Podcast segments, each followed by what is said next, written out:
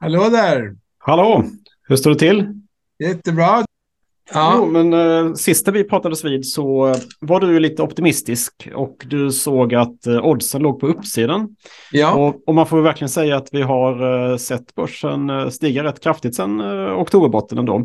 Så att eh, det är väldigt spännande att höra vad, vad du ser framför dig från den här nivån. Alltså, eh, jag vet inte när vi sågs, var det i månadsskiftet september? Oktober, oktober va? Sen september ska jag gissa, va? Ja, början på oktober kanske. Ja. Mm.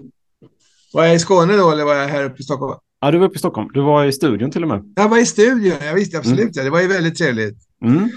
Eh, jo, alltså, eh, jag kände ju på mig att eh, jag har en devis som jag har sagt många gånger, eh, jag har hört den flera gånger, och det är att det måste komma fler dåliga nyheter för att börsen ska fortsätta ner. Mm. Det räcker inte med att man har sagt en dålig nyhet och sen så ska man vara glad åt det, utan eh, marknaden anpassar sig direkt och sen måste den matas på med fler dåliga nyheter, annars går det inte ner mer. Mm. För börsen har ju en inne, inneboende förmåga att i alla fall på lite sikt hela tiden gå upp. Sen finns det ju massor med händelser som inträffar som får kursen att gå ner, men, men alltså om ingenting händer och det är liksom vakuum, då går det så sakta upp. Och eh, det här är, det är viktigt att förstå det här. Man märker när man är på middagarna att folk säger åh, det ser så hemskt ut, då ska jag sälja, är det för sent att sälja?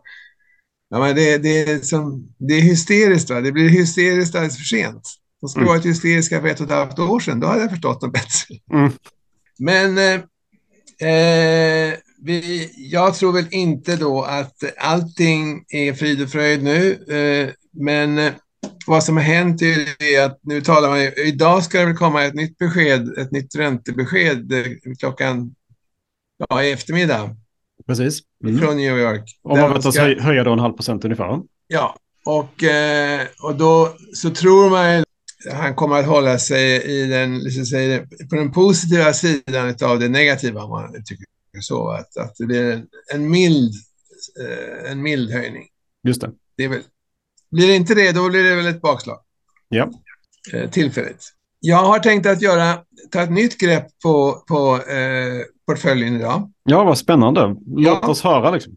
Ja, jag kom på det här för någon dag sedan. Mm. Jo, eh, jag har ett 50-tal aktier i, i min portfölj och då och då så åker någon ut och då och då kompletterar jag. Tyvärr så åker det ut färre aktier när jag kompletterar så att den där siffran som var runt 45 så är den nu lite drygt 50. Så det, det ökar hela tiden. Det krävs disciplin alltså. Att mm. Man måste ta ut aktierna också och det är inte så himla lätt alltid. Det är lite som en garderob kan man säga, att man ska rensa ut kläder för att kunna köpa nya. Liksom. Ja, det är en väldigt bra jämförelse. Mm. Och det är inte lätt som du vet. Ja, det är inte lätt. Om inte man bestämd fru som då säger den här har du inte haft på dig på tre år. Och då, Karl, det är bara att slänga den. Eller ge ja. den till myrorna eller någonting. Ja, ja eh, jag har i alla fall eh, då tänkt att vi ska göra följande. Och det är att eh, av de här 50-talet aktier mm. har jag nu låtit med hjälp av Avanza eh, så har jag plockat fram de aktier som har gått bäst på ett år. Okay, du, du, brukar ju kolla på de som går bäst en, på en månad annars. Ja, mm. men vänta bara. Så att vi utgår från de här aktierna som gick bäst på ett år. Mm. Och sen så ställer jag dem mot de, hur det har gått på en månad. Och om det då är så att de som har gått på ett år inte har gjort något bra ifrån sig, då får de inte vara med på den här listan. Okay. Utan, på, på, utan vi, det, det, det, förutsättningen är att de har gått bra på ett års sikt och fortfarande går bra på, på en månads sikt. Då är det genuint bra aktier. Jag förstår, då är det både den korta och den långa trenden upp så att säga. Som vi har försökt att på något sätt amalgamera. Jag är medveten om att det är alltid svårt att göra det, men, men, men eh, jag har faktiskt lyckats ganska bra. Du kommer att märka att det finns några frågetecken för den här grejen. Så om vi kastar oss ut då i, i eh, farvattnet så kan jag säga att eh, högst upp på listan över de aktierna som gick, vi, har börjat hela tiden med dem, hur, hur det var för ett år sedan. Ja. Högst upp av de aktier jag har på ett års sikt är då ett företag som heter Hydrogen Pro eller Hydrogen Pro. Det mm. är ett norskt vätgasföretag och eh, det var vätgasen minst förra hösten var jätteinne då ja. och fortsatte. Så de har gått upp 120 procent och de har sista månaden gått upp 0,97. Så de får inte vara med i den här uppställningen. Men det är ett väldigt intressant företag vill jag säga. Men alltså de har inte hållit sig. Den lovande starten för ett tag sedan, de började flagga ur redan, redan för ett eh, halvår sedan kan man säga. Och okay. eh, våren gick bra, men sen gick det inte så bra. Men det är på förnyelsebara energikällor då kan man säga? Eller då, ja, mm. eh, nu har jag inte exakt beskrivningen framför. Det är ett jätteintressant företag. Jag såg att de ryckte häromdagen och så här. Men, och jag kommer absolut behålla dem. Men... men eh, de platsar ja. inte på den här topplistan helt enkelt? Nej, inte på, vår, inte på din och min gemensamma lista här. Vi ska försöka vaska fram det som är bra både på lång och kort sikt. Då. Nej, precis. På lång sikt är de säkert bra fortfarande, men på kort sikt så håller de inte måttet. Nej. Vi kan inte, ha, vi kan inte belasta läsekretsen eller lyssnarna med för många förslag, utan det får bli... Jag bara berättar några förändringar. Även aktie nummer två då på den här listan, eh, eh som gick upp 95, har gått upp 95 procent på ett år, det är Stolt Nielsen. Och det är ett jädra fint företag, men de har bara gått upp 1,39 sista månaden och de får inte heller vara med. Stolt Nielsen, de skeppar ju eh, flytande gas. Just det, det har ju framtiden framför sig ändå. Mm. Ja, de har ju enormt bra eh, läge va? och eh, en avkastning på 5,74 procent och ja, alltså det, jag älskar det bolaget, men, men det platsar inte heller just nu. Okej. Okay. Det gör däremot eh, nästa bolag och det är Saab. Mm. Som alltså kom, som ligger trea på ettårslistan. 81 procent har gått upp på ett år. Mm. Och de har gått upp 13,13 procent eh, på en månad. Och det är gånger 12 är ju rätt bra. Så, att, eh, ja, så de är absolut med i matchen och det, vi förstår varför. Ja, det behöver vi inte förklara. Nej. Eh, sen kommer vi till ett annat på sikt väldigt fint företag, nämligen AstraZeneca. Ja. Som faktiskt är det största företaget jag äger. Det, det är ju gigantiskt Astra, alltså, ja, ju... i, i börsvärde. Ja, det är ju Stockholmsbörsens största bolag är det om man tar med ja, det. Ja, absolut, mm. men inte mm. bara dem. ja, de är urstora. Och eh, det intressanta med dem är att de ger faktiskt 1,92 procents avkastning då. Det är, ett, mm. det är en ganska hygglig check de ska skriva ut där. Och, eh, men de har gått upp 9,87 procent på en månad och gick upp 43 procent på ett år. Så att de är med. Det är väl en lysande långsiktig placering skulle jag säga. Ja, det är väl en väldigt, väldigt, väldigt fin kurva också om man ser på ännu lite längre sikt. Ja, eh, du kan sträcka ut den åt alla håll. Den, den, den håller måttet. Alltså. Det var länge sedan de hade problem. Sen har vi ett företag som heter Pearson som faktiskt har gått bra på ett års sikt, men de har inte hållit sig alls, så de får inte vara med. Jag gillar dem väldigt mycket. Det är läromedel kan man säga. De har en väldigt spännande historia, men den kan vi dra sen om vi har tid. Däremot så, eh, nästa bolag är Genmab och de, hade gått upp, de har gått upp 27 procent på ett år. Och de har nu gått upp 6,44 och det får väl anses godkänt. Ja, och eh, de ger däremot ingen avkastning. Danskarna är snåla. Sen kommer vi till ett relativt nytt företag, men jag har ju statistik på dem då, och det är Münchner Rückversicherung. Världens största återförsäkringsbolag. Ja. Och eh, jag läste om när du skrev om dem och, och, jag hade faktiskt tittat på dem lite grann. Och, eh, men eh, du var en bidragande orsak till att jag ändå gick och köpte den där. Ja, det hoppas jag att det, det var bra. Mm. Ja, men jag tror att det är bra. Jag satt och tittade, jag satt och har tittat på dem flera gånger nu bara sista tiden. För jag har ökat på lite grann. Flera omgångar. Och, eh, men på ett år hade de gått upp 23 procent. Och nu har de gått upp 6,78 på en månad. Mm. Okej. Okay. Det är, det är väldigt bra. Och de ger dessutom 3,58 procents direktavkastning och det är ju strålande. Med, med, en sån säkerhet och en sån miljö som de jobbar är det ju fantastiskt. Mm, verkligen, verkligen. Jag har sett att eh. försäkrings, försäkringsbolag generellt har ju gått ganska starkt sista De har gått ganska bra. De har mm. hittat sin roll nu, både AXA och, och eh, Swiss Re har inte gått riktigt lika bra, men, men eh, München Ryck anser jag nog vara den absolut bästa av de här. Mm. Kul. Det finns faktiskt ett till som vi kommer till här på slutet. Dock inte i samma klass. Kan det vara Hannover kanske? Nej, det, det jag berättar strax. Yep. jag kan inte hålla mig. Ja, och så, sen har vi faktiskt ett bolag som inte har varit med så mycket på våra listor. Det är IBM. Okej. Okay. Mm. Men IBM, efter många års sorger, så har de på något sätt sedan flera år tillbaka hittat, hittat hem igen om man ser på fem års sikt så har, har de fortfarande gått back. Men, men På, på, på senaste året så har de gått upp 22,89 procent och eh, de kommer faktiskt då på plats nummer, vad det kan vara, sju eller sånt där på, på ettårslistan och de har gått upp med 5,18 eh, procent på en månad. Mm. Och de ligger där på den här nivån alltså, och de har en direktavkastning på 4,4 procent. Och jag, så när jag kan bedöma det här bolaget så det är en gammal storhet som har haft det jobbigt och kommit tillbaka och lagt sig nu på en mycket beskedlig, alltså de har en direktavkastning på 4,4 procent. Kan du tänka dig IBM, detta gigantiska tillväxtföretag en gång i tiden? Mm. Jag kommer ihåg när jag, när man hade IBM på 70-talet så var det liksom mycket lägre avkastning. Det var väl den alla, alla skulle äga på 70-talet? Eller? Ja, men visst var det. Det var så här one decision stocks man talade om. Mm. Man behövde bara bestämma sig en gång, det är ett bra bolag, så behövde man aldrig fundera mer, utan det var bara att låta dem ligga. Ja. Eh, nästa bolag är faktiskt en liten överraskning. Det är huvudstaden. Jaha, fastigheter. Ja, det är enda fastighetsaktien som är med här och de har gått upp 17 procent på ett år. Jag har sett på några andra fastighetsaktier. Just nu har jag faktiskt bara huvudstaden.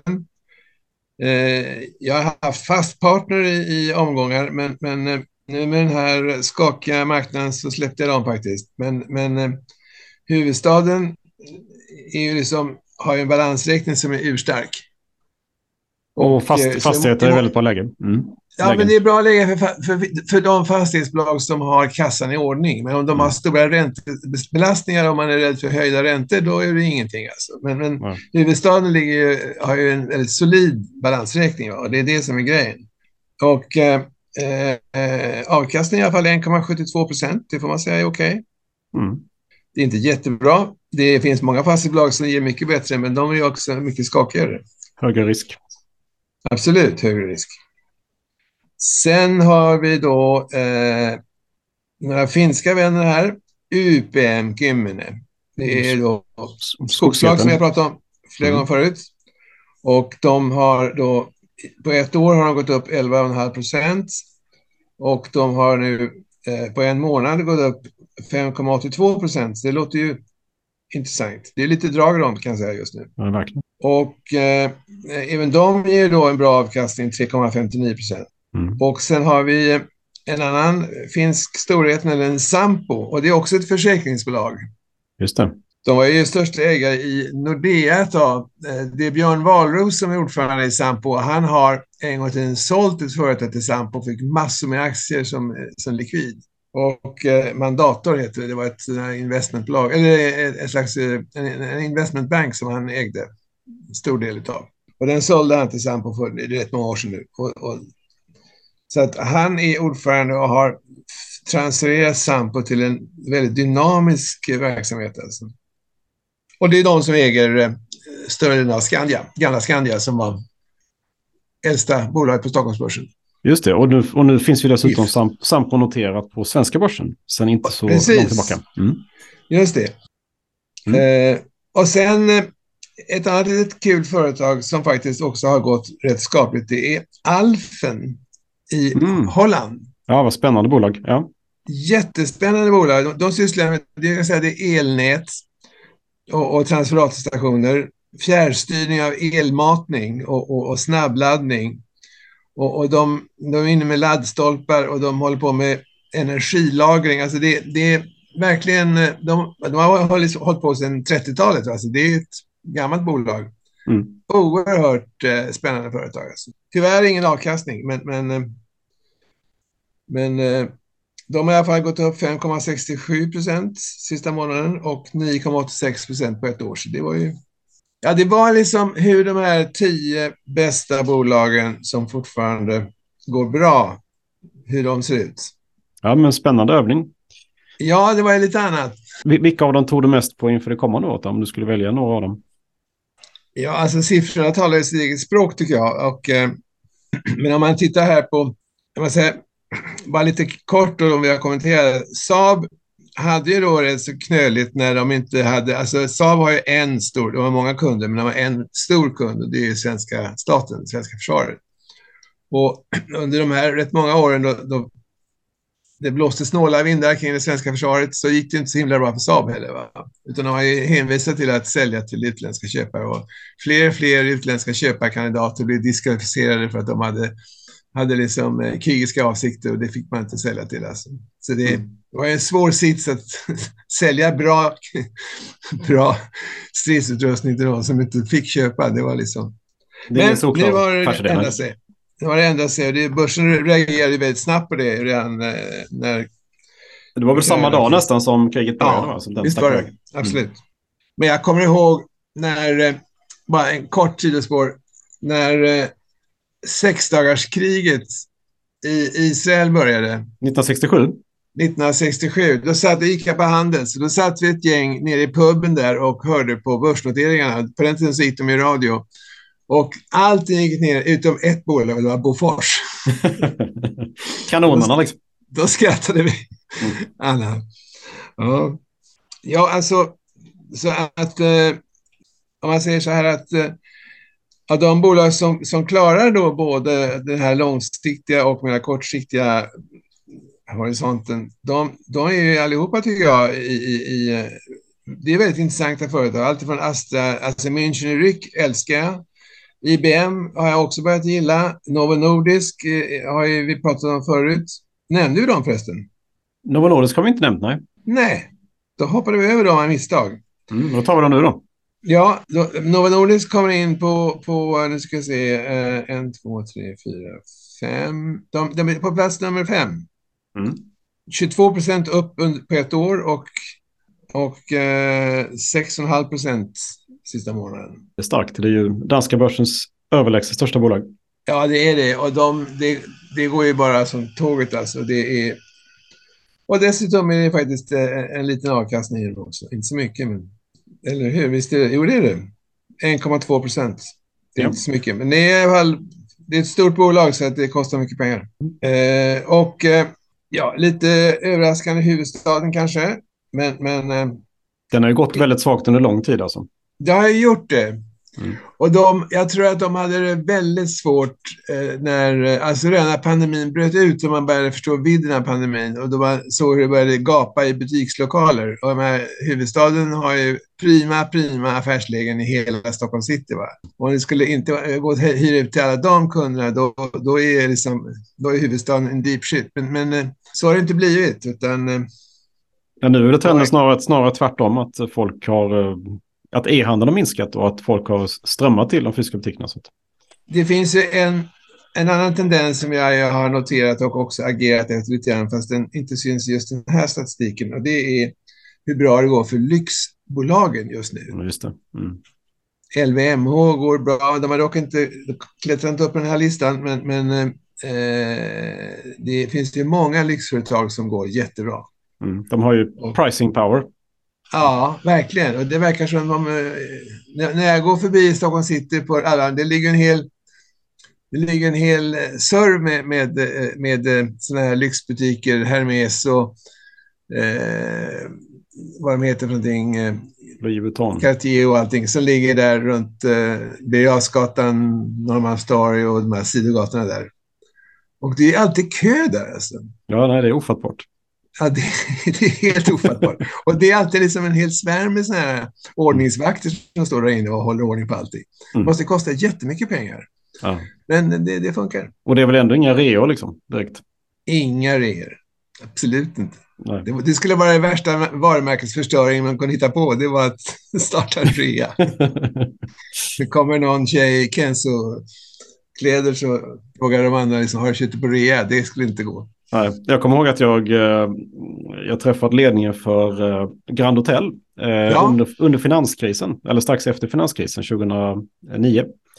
Ja, ja. Och då sa de också det att, jag frågade det, har ni liksom reat några hotellrum? Så vi skulle aldrig någonsin göra det. Vi har liksom stängt ner 70 procent av hotellet, stängt ner hela våningsplan ja. istället för att behöva rea.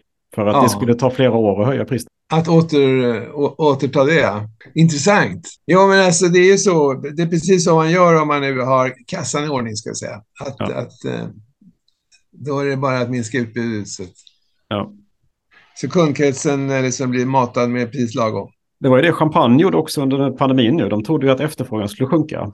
Ja, det gjorde det inte alls. Men det gjorde det inte alls. Det är tvärtom rekordår för, för champagne. Just det. Finns det några bolag du har sålt nu då? Under, ja, jag sålde fastighetspart mm. Fastighetspartner sålde jag senast. Trots och, Sven, Sven-Olof? Ja, ja, men jag känner honom lite löst och, och, och har till och med uppträtt på någon sån där aktieplacerardag någon gång för några år sedan. Men, men eh, och jag gillar hans företag. Det är bara det att, att eh, jag gillar inte fastighetsbolag just nu. Så jag har väl varit inne i något enstaka förut också, men, men, men eh, nu är det bara huvudstaden kvar. Det är framförallt skuldsättning då, eller, och ränteuppgången som du är rädd för? Eller? Ja, jag, exakt. Alltså det, jag kommer att återvända till fastighetsaktier när marknaden har lite mer lugnat ner sig när det gäller... Eh, alltså inflationen kommer nog hålla i sig ett bra tag ska jag tro och det talar ju för fastigheter.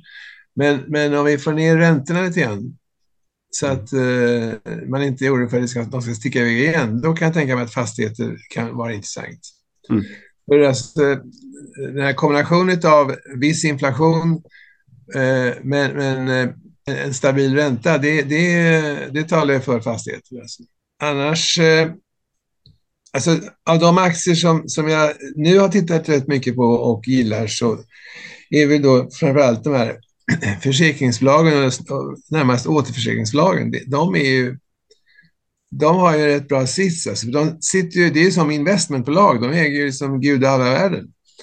Och sen så har de en, en de har kassan i ordning och en bra avkastning. Va? Så att, men det, det blir inga obehagliga överraskningar om det inte händer någon jättestorm någonstans med, med någon kärnkraftverk som blåser av eller så. Men då gick en del försäkringsbolag ner om du minns. Där i, i Japan. Just det, Fukushima ja. Mm. Fukushima ja, då var det många som gick ner. Ja, precis. Men, men du äger AXA också? Det har den har gått väldigt bra också. AXA har jag haft eh, länge och i omgångar. Just nu faktiskt inte. Av bara, okay. Det var bara för att det var någonting annat som kom emellan. Ja, det är typiskt. Jag ägde inte den heller just nu. Man ägde många gånger också. Så, men det ja, men alltså, man, mm. man, kan, man kan inte äga allt. Va? Det bara är så. Då, då blir man, tappar man kontrollen totalt. Jo, så är det väl. Så är det väl. Jag tycker jag har för många aktier även nu. Va? Men, men eh, det är väldigt svårt. Men ja, det är men, bra, Carl. Jag önska dig en trevlig... Uh Trevlig jul då kanske redan, blir det väl? Ja, det är väl det dags för det snart. Mm. Trevlig jul till dig och så får vi höras eh, framåt eh, nästa år någon gång. Ja, det gör vi. Någon gång i januari kanske. Ja, då, absolut.